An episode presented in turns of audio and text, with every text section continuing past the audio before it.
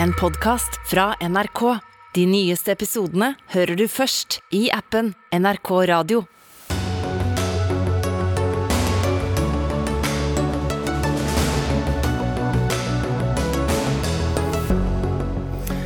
Viggo Kristiansen-saken oppe for retten i dag. Både aktor og forsvarer krever full frikjennelse for mordene i Baneheia. USAs regjering varsler om et betydelig gjennombrudd for ren energi. Blir det fusjonsteknologien som skal løse verdens energibehov? Kommunestyret i Harstad vil bruke 7 millioner kroner på at Kompani Lauritzen legges til Nordlandsbyen. Ordføreren vår har mistet gangsynet, mener opposisjonen. AUF vil avlyse eksamen for alltid. Mener det er urettferdig at noen timer i en svett gymsal skal avgjøre fremtiden. Regjeringen vil utvide kravet om 40 kvinneandel i styrer til langt flere selskaper. Kan sette likestillingen mange år tilbake, mener Frp. Og Sør-Afrikas president gjemte millioner i sofaputer. Parlamentet avgjør presidentens skjebne i dag. Ja, Det er noen av sakene i Dagsnytt 18 denne tirsdagen, der vi også tar en runde på om navnet på denne høytiden bør endres fra jul til kristmesse. Men vi starter med eksamensordningen, for i to år så har jo elever da sluppet eller gått glipp av eksamener. Nå ønsker AUF å forlenge eksamensfrie ordninger for alltid, og det sier du som AUF-leder til VG, Astrid Hoem. Hvorfor det? Det er både fordi at de siste årene så har vi jo avlyst eksamen pga. Av korona, og da mener vi at det er en gyllen mulighet til å fjerne eksamen for godt. Eksamen er en utdatert og urettferdig eh, sluttvurderingsform. Eh, flere år, års arbeid reduseres ned til noen timer hvor en da, dårlig dag kan påvirke hvordan resten av livet ditt eh, blir. Og vi mener at det er på tide i 2022 å tenke nytt om sluttvurderinga. At sånn som eksamen er i dag, er det rett og slett ikke rettferdig. Ja, Hva vil du ha isteden? Nei, Det er mange muligheter til hva man kan ha isteden. Et forslag kan være å ha mappevurdering, der man ser eleven sitt arbeid over tid, og nettopp eh, kan vurdere hvordan man utvikler seg også. Man har skoler som har testa ut andre former for sluttvurdering og standpunktskarakter, og nå er også i budsjettenigheten mellom SV og regjeringa at man skal se på alternative former. Og så er ikke vi AUF pedagoger, så det tror jeg også man skal ha med pedagoger inn for å se på, men det aller viktigste er at vi mener at vi må fjerne dagens urettferdige eksamensordning. Hva sier du til det, Julianne Opstad, som sentralstyrer styremedlem i eh, FrPU? Nei, jeg, Vi er jo veldig for eh, eksamen, nettopp fordi at vi mener at det er den mest rettferdige vurderingsformen vi har i dag. Og Det er fordi at det er en prøve som er lik for alle, som er standardisert og også fordi at det er en prøve med anonym retting. Vi vet i dag at det er veldig mange elever som føler seg urettferdig behandla fordi de har en, en kontaktlærer eksempel, som skal sette standpunktkarakter, og dermed at de kanskje blir påvirket av trynefaktor osv. når de skal sette karakter. Så vi mener det er viktig. Og Det som AUF foreslår med mappevurdering, det er jo egentlig litt av det samme vi har i dag med standpunktkarakter, der man nettopp blir vurdert over hele året i et fag. Jeg kan forstå den argumentasjonen med ekstern vurdering, men det mener jeg er ganske enkelt å gjøre noe med. Da kan man jo, hvis man f.eks. har mappevurdering, også få noen eksterne til å sette den karakteren. Det jeg syns er urettferdig med dagens eksamensordning, er jo at du sitter seks timer i en svett gymstall uten hjelpemidler. Jeg vet i hvert fall ikke noen som helst ganger i arbeidslivet har opplevd at du skal prestere og få gitt muligheter videre i livet på hva du presterer i løpet av fem timer, der du bare sitter og skriver, og det rammer ulikt for ulike elever. Derfor mener vi dagens eksamensform rett og slett er urettferdig. Jeg tror nok nok det er mange som mener at de er oppe til eksamen omtrent hver dag i arbeidslivet, ja, og blir fordømt, eller i hvert fall bedømt. Ja, men da har du tilgang på hjelpemidler, f.eks. Det er ingen andre steder i, i, samfunnet der du blir bedt om å sitte og skrive uten å ha tilgang på hjelpemidler, og der det også mm. setter karakter for hva du kommer inn på høyere utdanning hvis du skal søke deg inn på det. Så vi mener rett og slett at det finnes mer moderne måter å gjennomføre en standpunktvurdering på. Gammeldags, Hofstad? Ja, nei, det er jo mange situasjoner i livet der man blir bedt om å prestere på et gitt eh, tidspunkt, og det mener jeg det er veldig mye mye god læring i. Og så syns jeg også mye av problemet med Forslaget til AUF er jo at dette skal gjelde på ungdomsskole og videregående skoler. Men på høyere utdanning så er jo veldig, for veldig mange så er eksamen omtrent den eneste vurderingsformen man har som står på vitnemålet. Og Derfor så syns jeg det er veldig dumt om man ikke skal forberede elevene på det. De som går på eh, studieforberedende, som det jo heter på videregående i dag, de må jo nettopp få lov til å forberede seg til høyere utdanning. Og da tror jeg det er veldig viktig med en eksamen. Vi ser jo nettopp at de koronakullene, som vi kaller de, som har gått ut av videregående skole nå, de skal ha sine første eksamener denne høsten, og de har ikke hatt en eneste eksamen i løpet av tre år på videregående skole. Og mange sier jo at de føler seg veldig uforberedt mm. nettopp til mm. å ta eksamen. Eksamener kommer jo, hvis du skal f.eks. inn på universiteter eller høyskoler eller gå videre med hva som helst, nesten. Men det aller viktigste for å gjøre deg studieforberedt er jo nettopp den kunnskapen du sitter igjen med. Og det også eksamen gjør, er at det eh, legger opp til en skippertaksinnsats hvor du pugger intenst noen dager før du skal levere da, i fem-seks timer i et svett eh, klasserom. Jeg mener at det er bedre måter der man går inn i dybden og lærer enda mer, og at man kan sette vurderingsform på enn det eksamen er, og at det rett og slett er en urettferdig og utdatert form. Ja, eh, det er jo sånn at AUF er imot eksamen, og en ting som jeg syns er litt spesielt, det er at eh, AUF har jo en vervekampanje gående nå, blant annet, hvor de har vært rundt på videregående skoler og vervet veldig mange elever nettopp på at de vil avskaffe eksamen. Og Samtidig som de har gjort dette, så har jo deres egen kunnskapsminister Tonje Brenna vært ute og sagt at man, nå må man ikke så tvil om hva Arbeiderpartiets standpunkt er. Det er at eksamen skal ligge fast. Så selv om eh, AUF er imot eksamen, så er jeg veldig glad for at det finnes voksne hjemme i Arbeiderpartiet, bl.a. Tonje Brenna, som er helt tydelig på at vi må ha eksamen i norsk skole. Så dette er ganske billig velgeragn? Altså I AUF så jobber vi alltid for å få gjennomslag og endre den politikken i Arbeiderpartiet vi er uenige med. Det har vi gjort med Lofoten, Vesterålen og Senja. Det har vi gjort med abortnemnden som vi fikk gjennom på Arbeiderpartiets landsmøte å fjerne. Det er AUF sin rolle. Og så er det en prinsipiell forskjell mellom oss og FPU, der Frp kan gå inn og bestemme politikken til eh, FPU. AUF er en selvstendig organisasjon med selvstendig politikk, og vi jobber også for å få gjennomslag opp mot Arbeiderpartiet. Så er det heldigvis sånn at det er Arbeiderpartiets landsmøte som avgjør politikken til Arbeiderpartiet, og det kommer også vi i AUF til å jobbe med å fjerne eksamen eksamen. Rett og slett fordi at jeg mener at det er en såpass urettferdig og utdatert ordning. Så la bare legge én ting til. Nei, nå får jeg svar på det. Nei, det er, jo, det er, jo, helt riktig. Det er mange ting som ungdomspartiene og moderpartiene er uenig i. Sånn er det jo i FBU også. Men det er ikke det som er våre hovedsaker når vi skal ut og verve medlemmer. Selvfølgelig vil vi jobbe for å påvirke Frp i den retningen vi ønsker, men når man er ute på skoler og verver elever utelukkende på saker der man er fullstendig på kollisjonskurs med sitt eget moderparti, det mener jeg egentlig er å lure lure elevene. Og jeg tror mange melder seg inn i AUF hvor de tror at det betyr at nå skal vi fjerne eksamen. Og så blir de veldig skuffa når de innser at Arbeiderpartiet de er helt tydelige på at vi skal ha eksamen i norsk skole. Du, vi, nærmer, vi, nærmer, oss slutten på, på denne eksamensrunden, men uh, tilbake til starten, så å si. Altså det å ha en dårlig dag og sitte seks-sju timer i en svett gymsal og få hele framtiden avgjort pga. dette, det er jo noe galt i det òg, er det ikke det? Ja, Helt klart, og vi mener at det er absolutt mulig å se på ulike måter å arrangere eksamen på. F.eks. hvis man ser til høyere utdanning, så har man både hjemmeeksamener som kan gjennomføres over 24 eller 48 timer f.eks. Man kan ha mer praktiske eksamener, mer muntlige eksamener. Men det er veldig viktig å ha en helt uavhengig eksamen som man kan vurderes eh, på. Mm. Takk skal du ha, Juliane Ofstad, sentralstyremedlem i Fremskrittspartiets Ungdom, og til Astrid Hoem, leder i AUF.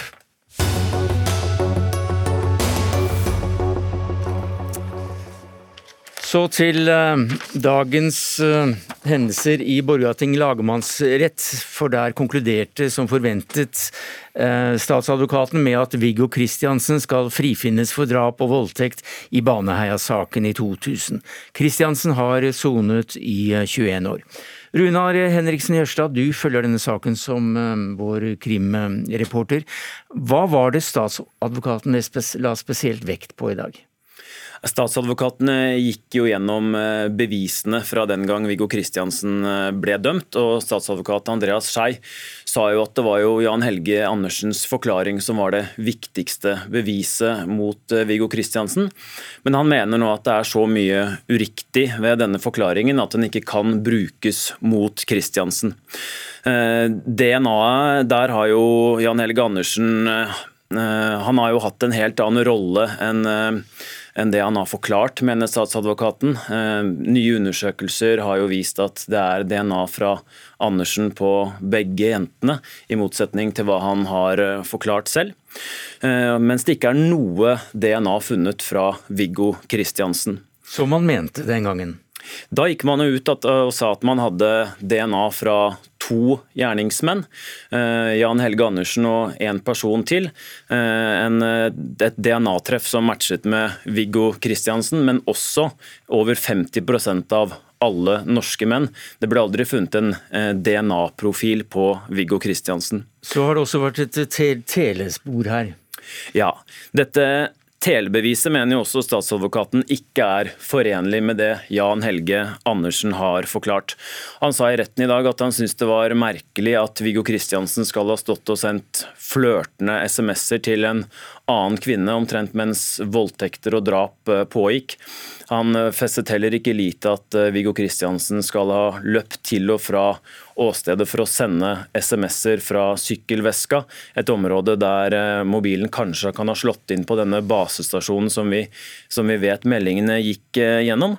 Og så var de også opptatt av at når DNA-beviset er endret, når man ikke lenger kan si at det er bevist at det er to gjerningspersoner, da får telebeviset styrket eh, Den ble altså da styrket, og støtter Kristiansens forklaring om at han var hjemme da ugjerningene ble begått. Martine Aurdal, du er kommentator i Dagbladet. Du fulgte også forhandlingene, eller det som skjedde i lagmannsretten i dag. Og selve frifinnelsen var jo da som forventet, altså krav om frifinnelse. Eh, dommen faller ikke før på, på torsdag. Hva er din analyse av det som skjedde i dag? Nei, Det er jo en uke for uh, historiebøkene, og det er et uh, trist kapittel i, i, norsk rettshistorie vi er vitne til.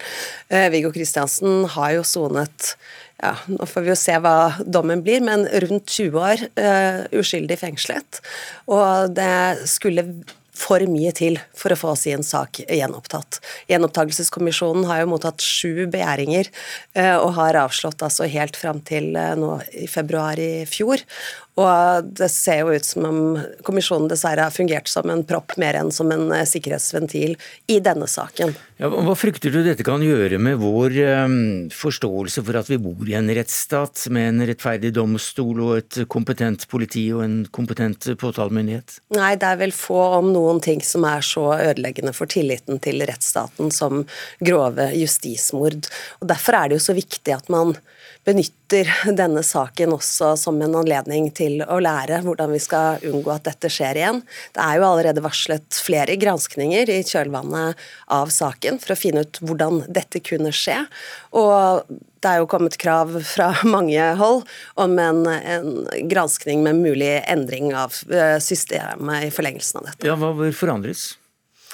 Nei, nå er det jo mange, som snakker om gjenopptakelseskommisjonen, og jeg ser jo MDG og, og, enkelte andre er ute og mener allerede at den bør legges ned. Det mener jeg at det er for tidlig å konkludere med, men å se på hvordan kommisjonen arbeider, hvordan de får sin informasjon, og om dette kan gjøres eh, bedre, eh, er et viktig spor. Og Så er det jo selvfølgelig også nødvendig å granske politiets arbeid her, og informasjonsflyten mellom de ulike eh, institusjonene i rettsstaten, for å, for å se hvordan vi kan hindre at denne typen saker skjer på nytt. Ja, hvordan vil du vurdere da den klart implisitte kritikken av det som skjedde for 22 eh, år siden, som jo kom da eh, statsadvokaten listet opp hva som hadde gått feil. Ja, Det var jo ganske spesielt å høre statsadvokaten i dag eh, redegjøre for hvorfor de nå står der med å prosedere på det stikk motsatte av det påtalemyndigheten gjorde for 20 år siden. Men det er, må jo også nevnes her at den tekniske utviklingen har jo gjort kampesteg siden den gang. Og tilbake i 2002 så trodde man jo at det DNA-sporet som ble lagt fram, beviste at det var to gjerningsmenn. Det sporet har det jo blitt reist uh, alvorlige spørsmål ved i mange omganger etter det, men det var det de trodde i den opprinnelige eh, rettsprosessen.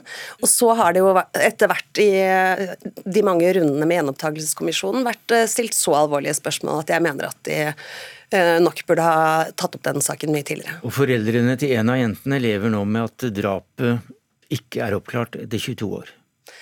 Ja, det er jo slik at Saker som denne får jo forferdelige konsekvenser, mm. både for den som blir urettmessig dømt, men også selvfølgelig for de foreldrene som nå sitter igjen uten svar på hva som skjedde med jentene Eh, med jenta si da hun ble drept denne maidagen i 2000. Og nå fortsetter jo etterforskningen av eh, Jan Helge Andersen, og vi kan jo bare håpe at den vil ende med en, eh, en gjenåpning av den saken, som kan bringe oss nærmere et svar. Og det må nesten også sies at eh, nå, nå, har vi eh, Viggo Kristiansens sak i lagmannsretten her tirsdag og med dom torsdag. I morgen skal fetteren til Birgitte Tengs forklare seg i eh, Haugesund. Eh, og begge sakene kaster jo en kraftig påminnelse om hvor viktig det er at rettsstaten anstrenger seg til det ytterste for ikke å gjøre feil, men også for å rette opp de feilene som blir begått. Ja, Hva skjer nå i etterforskningen eh, framover? Jan Helge Andersen er jo da siktet for drapet han ble frikjønt for i 2002. Ja, eh, Da Viggo Kristiansen sin eh, sak ble gjenopptatt, så har man jo prøvd å finne alt som er både gunst og ugunst for Jan Helge Andersen og Viggo Kristiansen. Og etterforskningen mot Jan Helge Andersen den fortsetter nå. Eh, statsadvokaten har blitt bedt av Riksadvokaten om å sende en innstilling. Spørsmålet er da om det ene drapet som Jan Helge Andersen da er frikjent for, om den saken skal gjenopptas. Takk skal du ha, Runar Henriksen Jørstad, NRKs eh, krimreporter, og til deg, Martine Aurdal, kommentator i Dagbladet.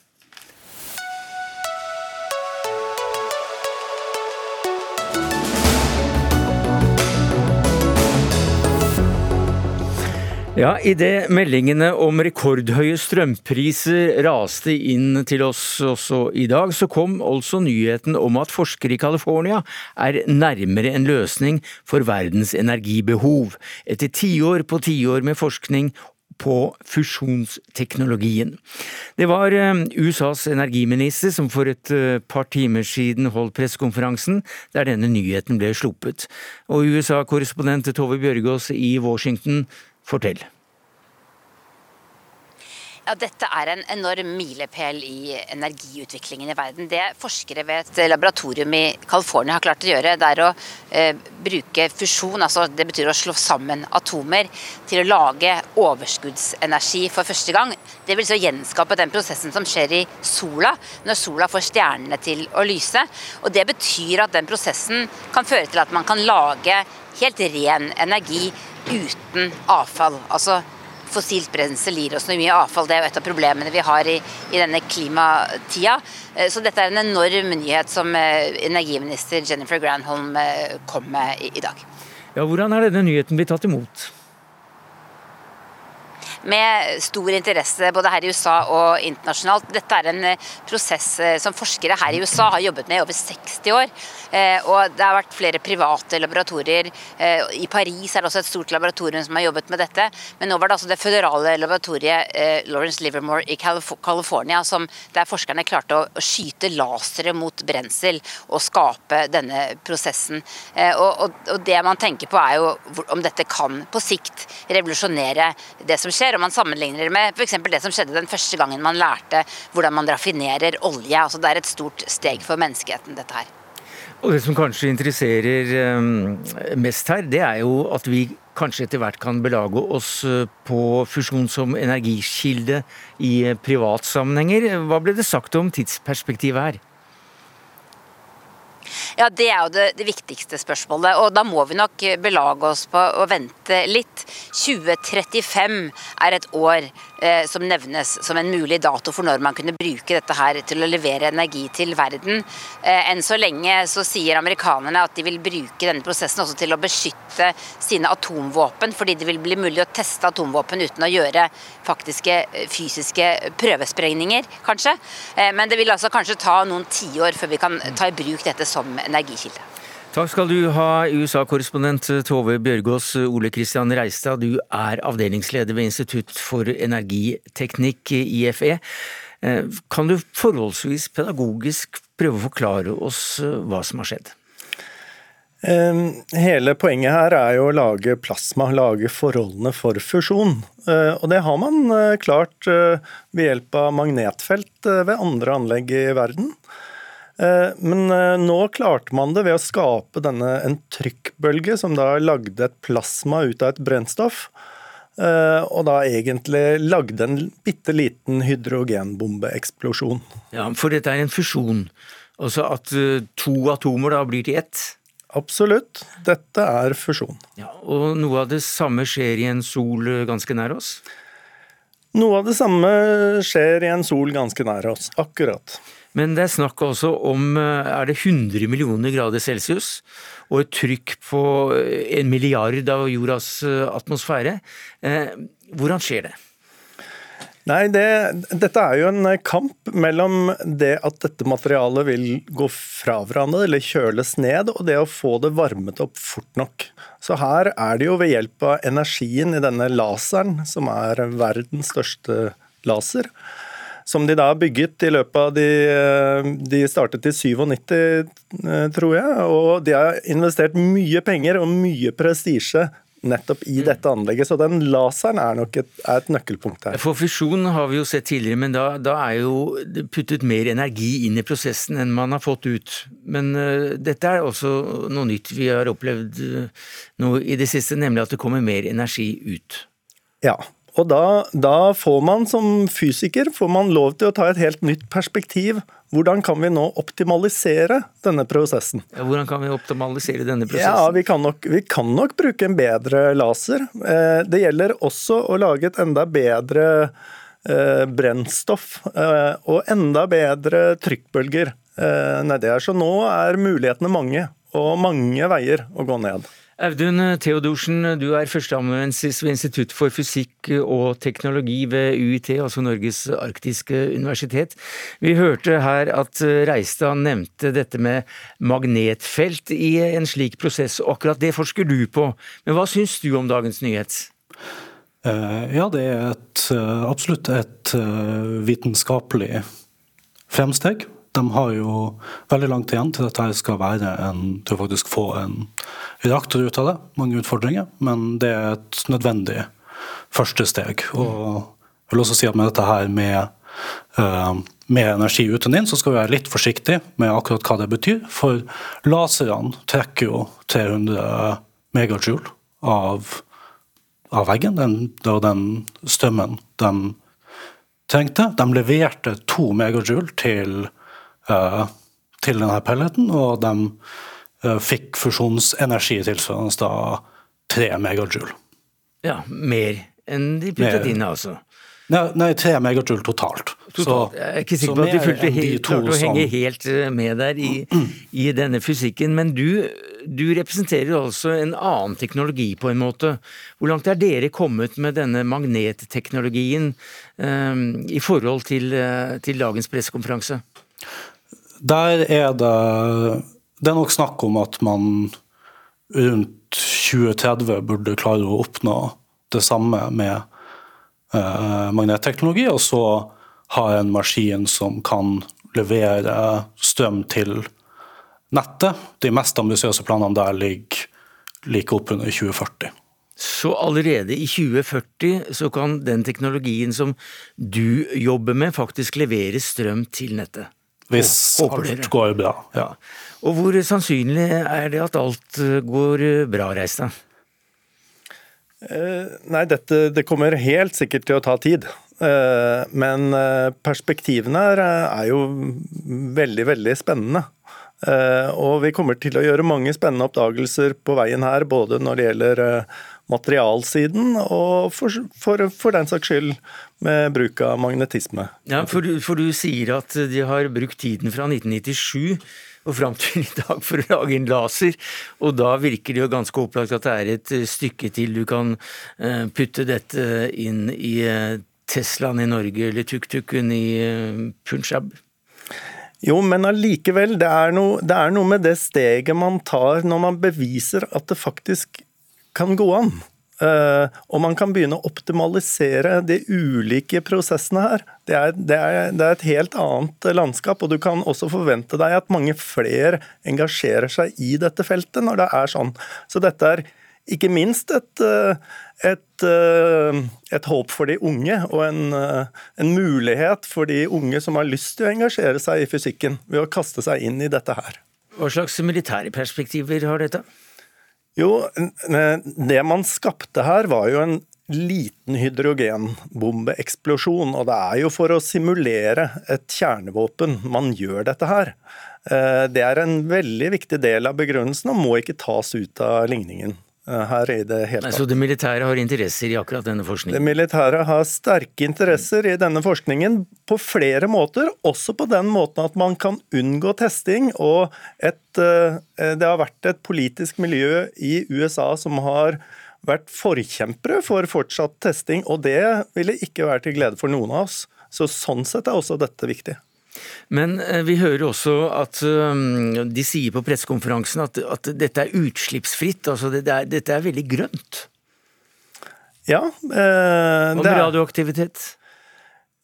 Ja, nå er det jo det at man slår kjernene sammen, og her spalter man dem ikke fra hverandre og blir sittende igjen med det samme typen avfall som man gjør i tradisjonell kjernekraft eller fisjon. Annen søppel da, som vi eh, må streve for å bli kvitt? Ikke som vi kan sammenligne med det søppelet som skapes av kjernekraft. En stor dag? En stor dag. Takk skal du ha, eh, Audun Theodorsen, førsteamanuensis ved Institutt for fysikk og teknologi ved UiT Norges arktiske universitet. Til deg, Ole Kristen Reiste, avdelingsleder ved Institutt for energiteknikk.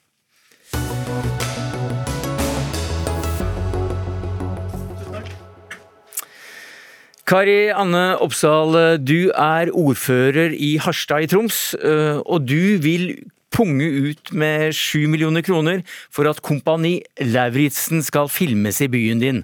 Hvorfor det?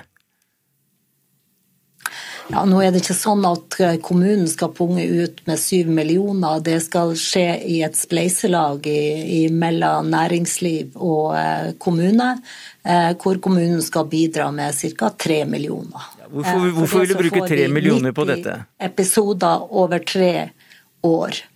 Og det betyr og det betyr at det er, inne, det er ikke et program som skjer inne i et lukka rom, det er et program som skjer ute i naturen. Da får vi vise bilder av hvor flott vi har det her i regionen vår, og det gjør oss stolt og glad, og kan danne grunnlag for at andre får lyst til å reise hit, til Harstad region. Eh, Oskar Alvereng, du er kommunestyrerepresentant for Harstad MDG. Eh, du er ikke så begeistret for dette forslaget? Nei, jeg er jo i utgangspunktet ikke det. Og det har jo ikke noe med at man ikke er fan av kompaniet Lauritzen, men det har noe med at man som kommune skal forvalte offentlige skattekroner. og Da ser man ikke på det som særlig musikalsk å bruke det på et reklamefinansiert eh, underholdningsprogram.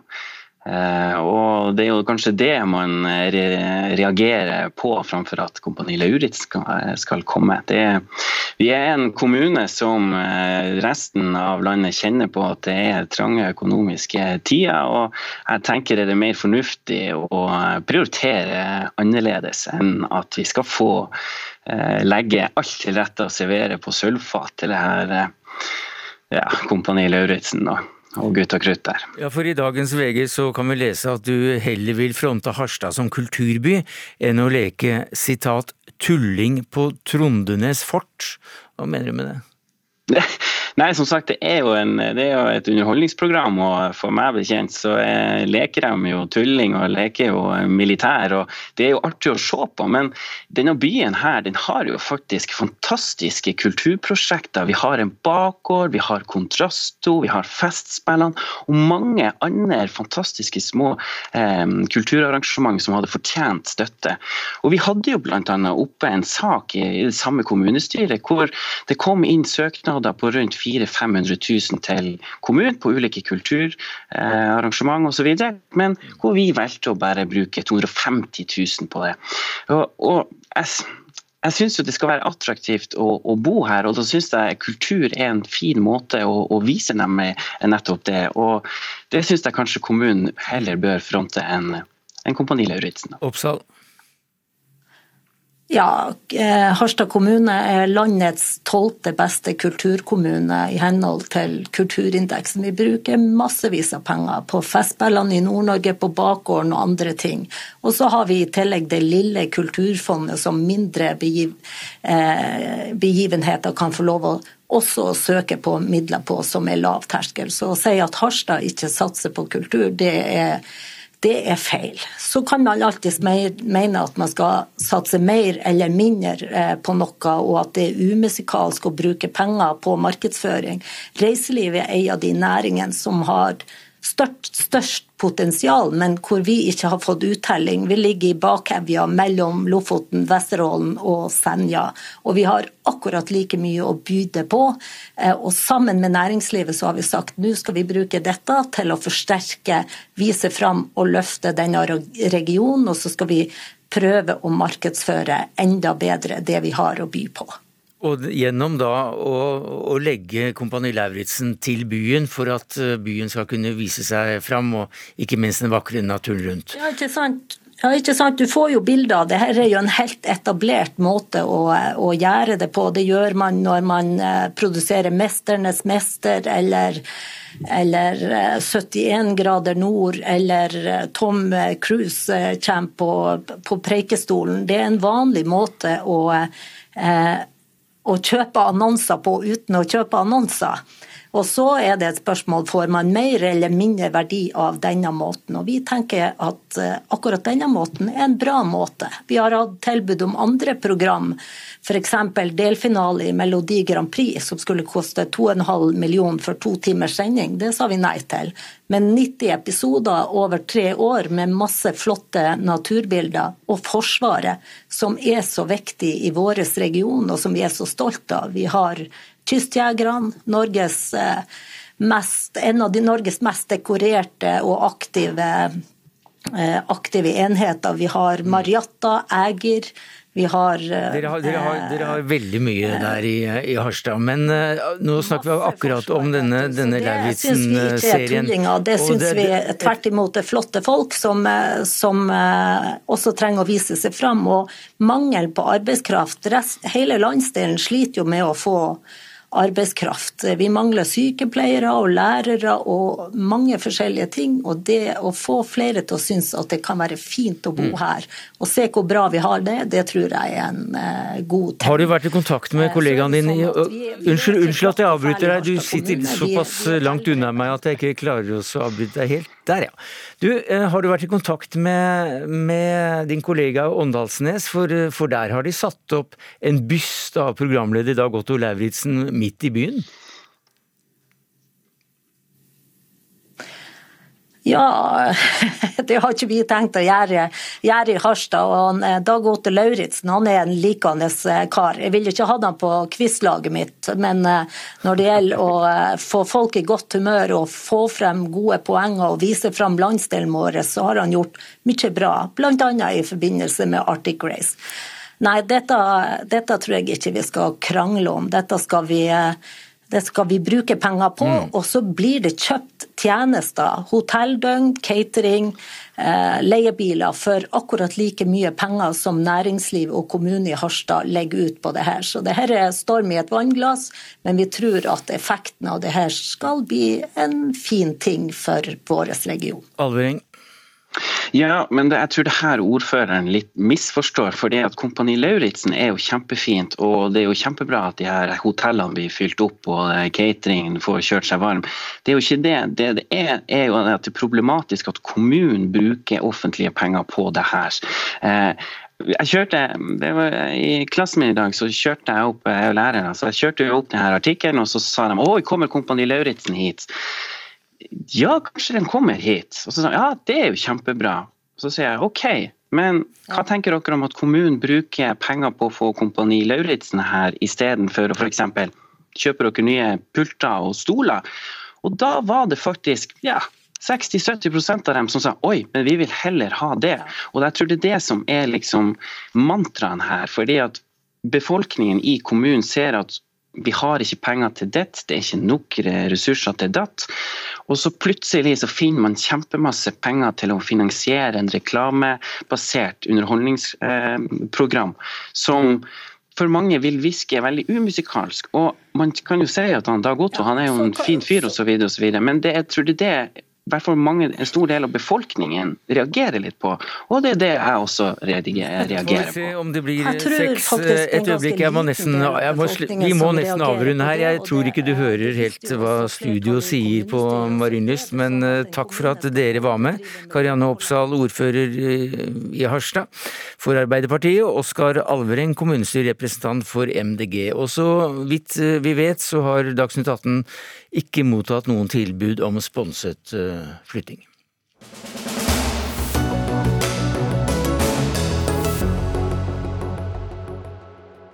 Vil trappe opp kampen mot eh, mannsdominerte styrerom i privat næringsliv. Så i går sendte Næringsdepartementet ut et lovforslag på høring som innebærer å utvide kravet om 40 av hvert kjønn i styrene til betydelig flere selskaper enn i dag. Større aksjeselskaper, ansvarlige selskaper, samvirkeforetak, stiftelser og boligbyggelag skal omfattes av kravet til en bedre kjønnsbalanse. Sivert eh, Bjørnstad, du er næringspolitisk talsperson på Stortinget, Fremskrittspartiet. Hva sier du til, eh, til dette forslaget?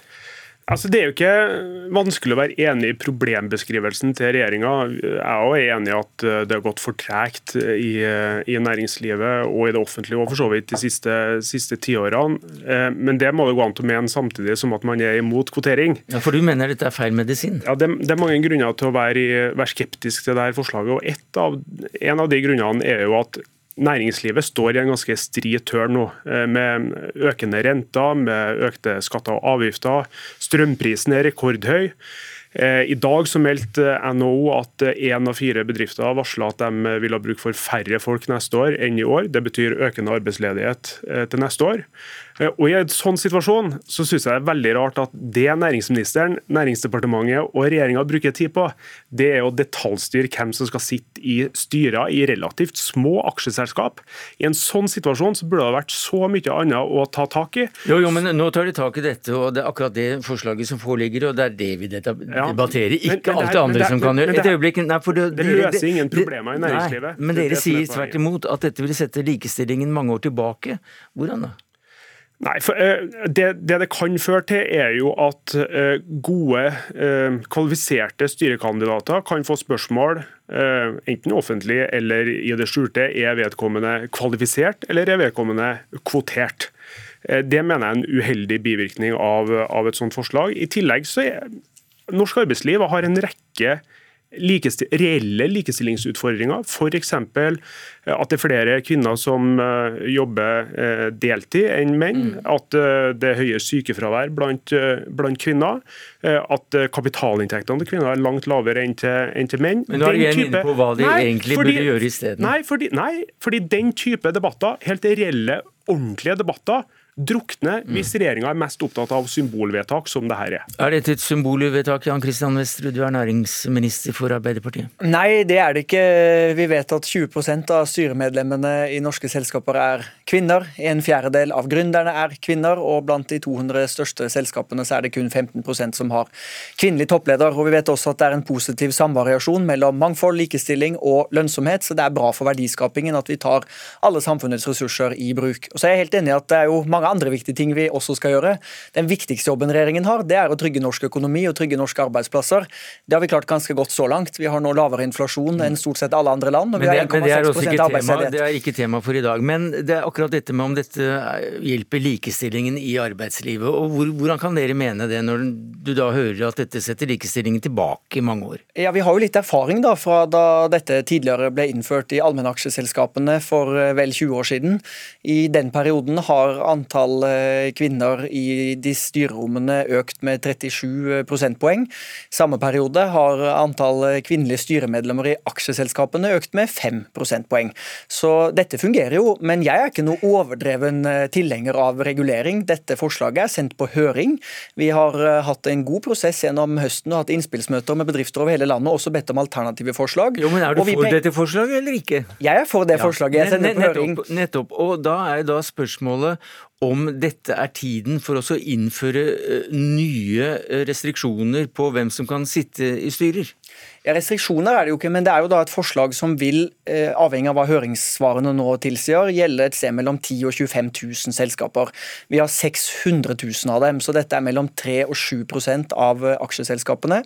Det vil bidra til å få mer bevisstgjøring. Det vil bidra til at selskapene ser seg om både etter dyktige kvinner og dyktige menn. Det viktigste er selvfølgelig at den er kompetent og er kvalifisert, men vi vet at likestilling er bra for verdiskaping, både for samfunnet og for bedriftene. Så dette er også god økonomi, Bjørnstad? Ja, jeg, jeg hører at statsråden eh, gjentar det, eh, men i eh, en rapport som ligger ved høringsnotatet hans, så står det at det er ikke noe forskningsmessig sammenheng mellom lønnsomhet og denne type kvotering.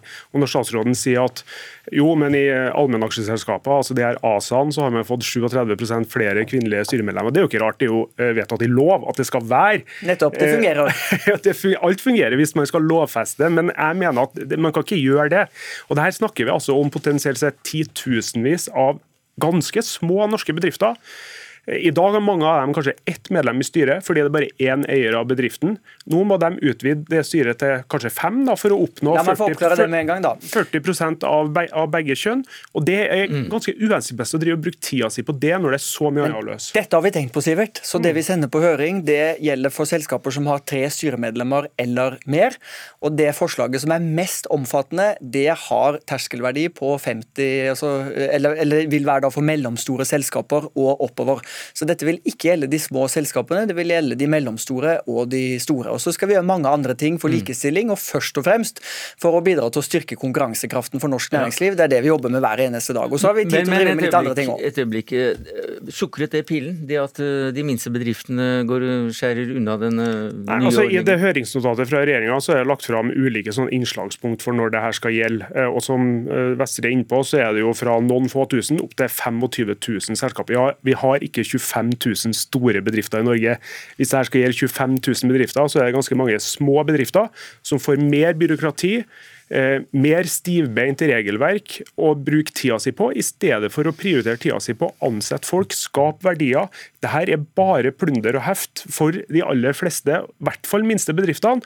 Og det å komme og si at jo, men eh, vi har hatt en lov fra 2003 eller 2004 som viser at det fungerer, det er ikke noe bevis. Men, men eh, har, du, har, du, har du noe fakta på at de bedriftene som nå må ha 40% kvinneandel, at de går dårligere enn de gjorde før?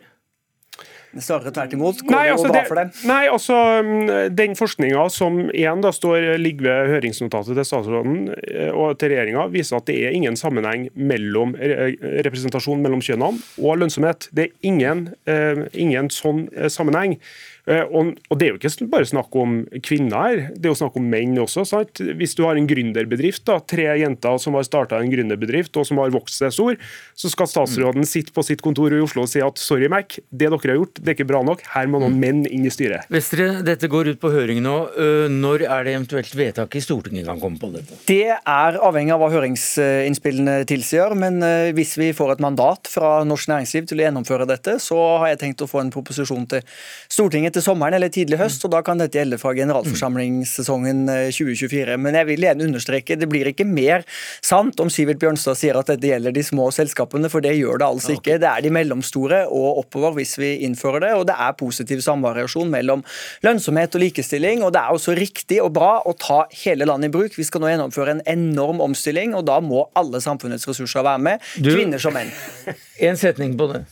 Ja, nei, men altså, det, er fint, det, det, er fint å ta hele landet i bruk, men eh, lover, regler og krav fra regjeringa er ikke det som skal til. Takk skal du ha, Jan Christian Vestre, næringsminister for Arbeiderpartiet, Sivert Bjørnstad, stortingsrepresentant for Frp.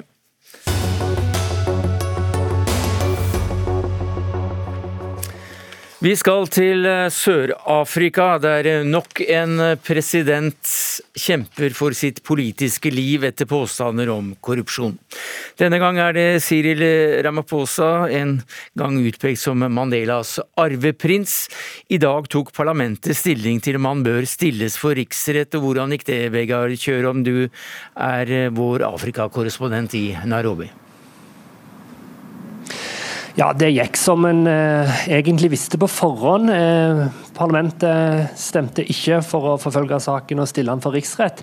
Ramaphosa representerer ANC, eh, som du nevner Mandelas eh, gamle parti. Og de har flertall i parlamentet, og i tillegg så måtte det to tredjedels flertall for å gå videre med saka. Det, det ble det ikke, eh, men det ble en debatt og mye oppmerksomhet rundt denne saka. Og saka er nok ikke ferdig med det vedtaket som ble fatta i dag. Nei, Hva slags sak er dette? Hva er bakgrunnen for den?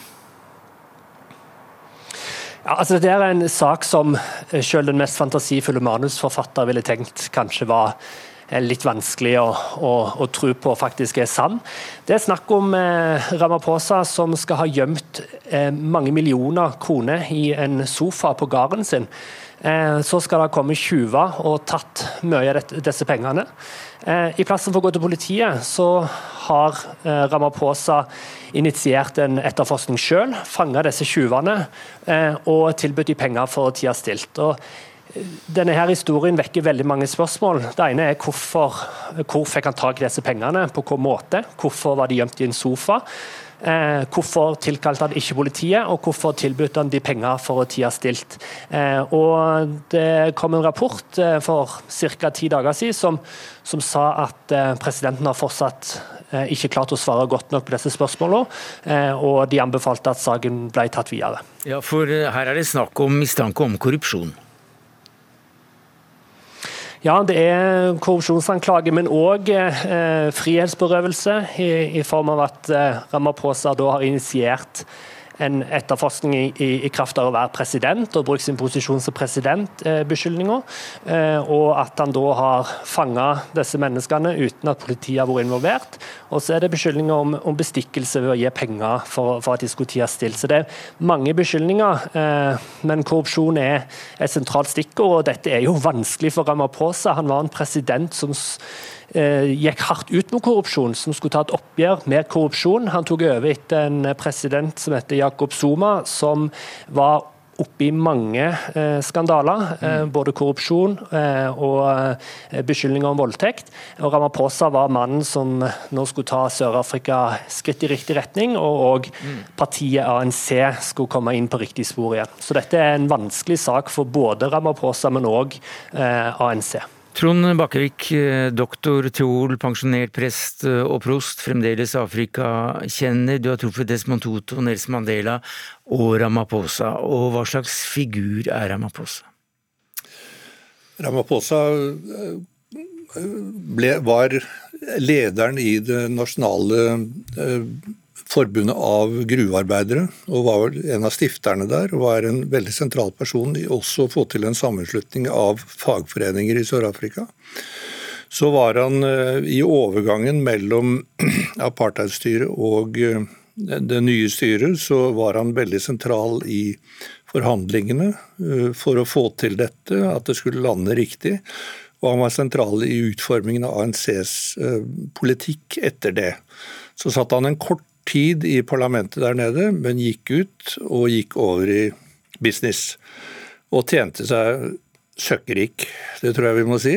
Han, eh, han nøt godt av denne eh, kvoteringen av eh, svarte som skulle inn i business. og satt vel i 2012 eller noe sånt, så tror jeg han satt som den 13 rikeste i Sør-Afrika, et eller annet sånt noe.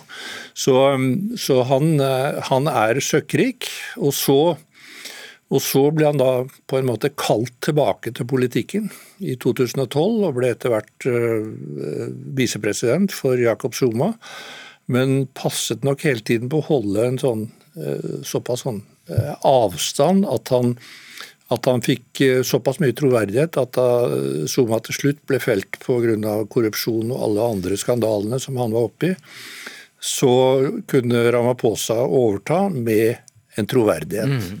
Ja, for Han ble jo ansett som, eh, som arveprinsen etter Nelson Mandela, men, eh, men, han kom ikke helt til topps den gangen?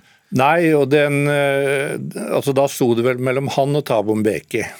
Og der var det nok Tabo som trakk eh, det lengste strået. Han altså Ramaphosa var jo i Sør-Afrika hele tiden under apartheidregimet og arbeidet seg opp der. Mens Thabo Mbeki var jo på en måte den mest prominente sånn, talsmann for ANC utenfor landet og ble da den som etterfulgte. Men han regnes jo også da som en eh, karismatisk skikkelse. Du, du har møtt ham eh, personlig. Hvordan, hva slags type er det? Jeg har ikke møtt han som så veldig karismatisk, altså det var mer et prosaisk møte. Men, okay. men, det var nok til at jeg liksom husker han. Og det var jo mange jeg møtte, men, men jeg husker han fordi han, han, han var en så tydelig personlighet. Eh, at, eh, at, eh, det var tydelig allerede på slutten av 80-tallet, da jeg møtte han. Er han en type som du lett kan se at kan falle for fristelsen for å, å bli korrupt? Altså i, i, Russland så ville han vel blitt kalt en oligark? Ja, og det var han nok så, for så vidt. Jeg ville ikke tenkt at han skulle bli korrupt. Det kom som en overraskelse på meg. Jeg trodde han for det første så skjønner jeg ikke på folk som er eh, milliardærer, hva de skal med å drive med korrupsjon når de har så mye penger allikevel. Som, eh, som man stort sett altså Det er ikke noe så veldig mye spørsmålstegn med hvordan han har tjent det, det er mer at han har tjent det. Mm. Ehm, så jeg ble overrasket over det. Selv sier han vel at det er salg av, eh, av kveg med lange horn som eh, bl.a. skal være en del av de pengene som ligger i, i eh, sofaputene, Vegard Kjørholm. Du nevnte at vi ikke har sett slutten med dagens resultat i parlamentet, der han altså ikke blir siktet for, for korrupsjon. Hva blir neste skritt nå? Ja, neste skritt kommer allerede til helga, for da skal ANC ha en eh, partikongress, partimøte. Eh, det skal være valg i Sør-Afrika i 2024. Eh, fram til denne saken kom, så var det venta at Ramaphosa skulle fortsette som leder av partiet og skulle bli presidentkandidat ved neste valg. Denne saken her gjør det vanskeligere. Eh, og Det er jo det, de, det, det som blir spennende å se til helga, om dette her kommer til å skape endringer internt i partiet. Det var flere av partimedlemmene eh, i ANC som stemte for eh, å ta saken videre til riksrett i dag. Ramaphosa har ikke full støtte i sitt eget parti, og han mener jo selv at dette her er en del av en Eh, et politisk spill. Eh, den personen som meldte inn denne saken, det er nær alliert av tidligere president Jakob Zuma. Eh, og Ramaphosa nekter jo for disse beskyldningene og mener at det hele er et politisk spill. Så det er, ANC er et stort parti med ulike forgreininger, og det blir spennende å se om Ramaphosa står sterkt og etter helgas partikongress. Følg med, følg med. Vegard Kjørom, eh, takk skal du ha som Afrikakorrespondent i NRK. Trond Bakkevik, doktor Tuol, prest og prost og afrikakjenner.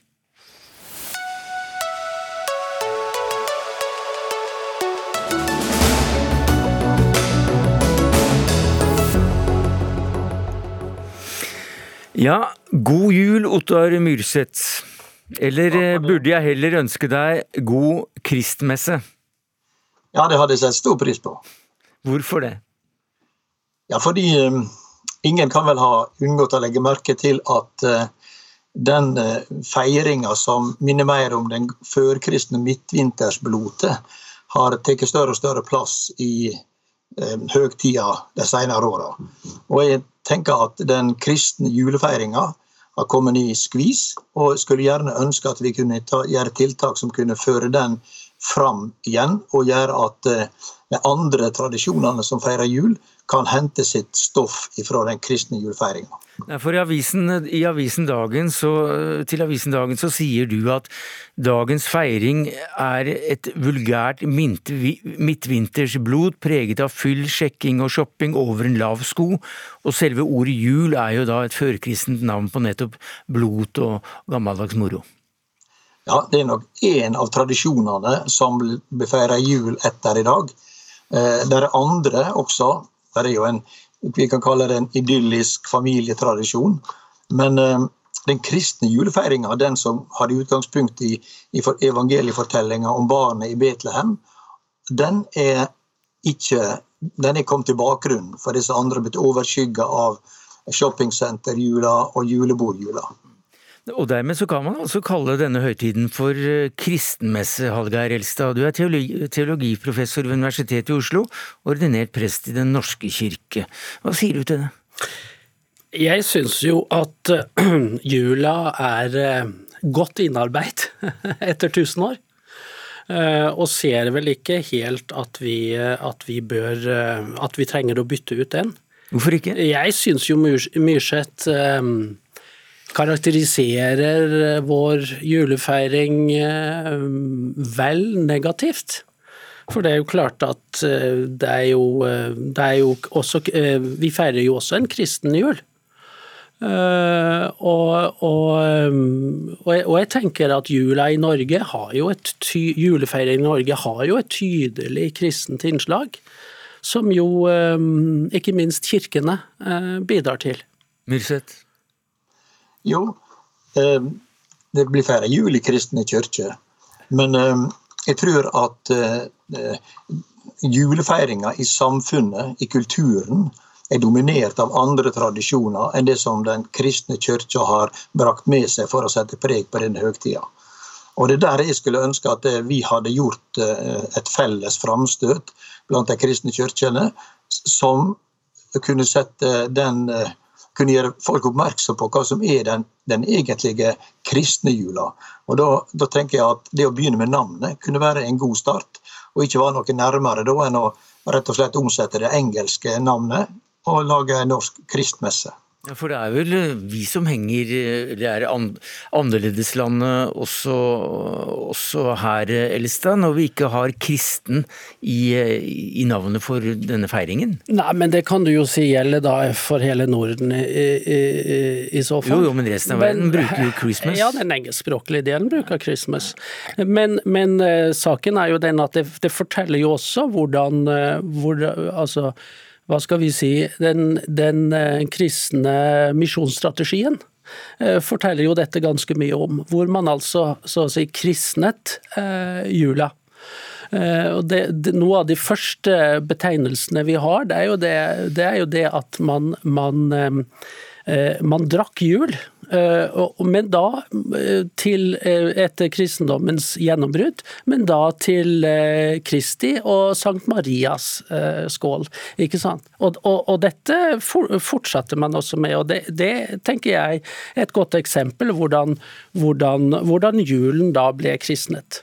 Men jeg tenker jo ellers også, for å gå tilbake til vår egen tid, altså hvis man ser på hva kirkene bidrar til i førjulstida med skolegudstjenester, barnehagegudstjenester, eh, sentra, viktige gudstjenester i adventstida, gjerne med barnekor, eh, med, med ulike form for, for, spill, og ikke minst alle julekonsertene med de kjente, kjære julesalmene, julesangene. Altså, jeg tenker jo det er en viktig, viktig markering av en kristen jul uh, også hos oss. Og bare tenk på oppslutninga om julaften, mm. med over 500 000 til stede i det siste førkoronaåret i 2019. Myrseth, det er nok Gud i norsk jul? Ja, vi er ikke motstandere av noen av de fine tiltakene som Elstad lista opp her. Eh, men han vil vel kanskje måtte være enig i også at det er veldig sjelden at de skåler for verken Jomfru Maria eller Jesusbarnet på julebord. Og at det kanskje var, eh, og den kristne strategien da de for 1000 år siden erobra midtvintersfesten og kristna den, at det kanskje i vår generasjon er behov for å gjenta det prosjektet. Og for å kunne lykkes med det, tror jeg at vi må ha et navn på vårt anliggende, og da tror jeg kristmesse er det beste. Altså, du er jo da den eh, norske biskopen i den nordisk-katolske kirken. Har dere snakket om eh, dette her mellom eh, de katolske kirkene i Norden? For Nei, vi har ikke snakket om Det er nordisk det at det kalles jul? Ja da, det er et nordisk fenomen. Og vi har ikke snakka med andre om det, nei. Jeg har begynt i det, i det små. Men de gudstjenestene som jeg sjøl og vi arrangerer denne jula, de kaller vi kristmesse. Eh, første juledag spesielt. Elstad? Ja, altså Jeg er jo enig i at første juledag feirer vi kristmesse, men det er noe med at jeg, jeg har nok et, et, annet kirkesyn enn det Myrseth har. Mm. Altså et folkekirkelig perspektiv, hvor, hvor, hvor, jeg tenker at vi må, vi må gå inn og så må vi eh, Eh, ikke være fremmed for de juletradisjoner som preger mye av, eh, av eh, folket i Norge. Det er jo ja, det, som ligger i en folkekirke. Som, kanskje gjøre det som de gjør mye i andre land, sier nemlig ikke god jul eller Merry Christmas, men rett og slett Happy Holiday. Takk skal du ha, Hallgeir Elstad og Ottar Myrseth. Det var det vi rakk i Dagsnytt 18 denne tirsdagen, takket være Gro Arneberg, Marianne Myhrol og Sverre Tom Radøy. En podkast fra NRK. De nyeste episodene hører du først i appen NRK Radio.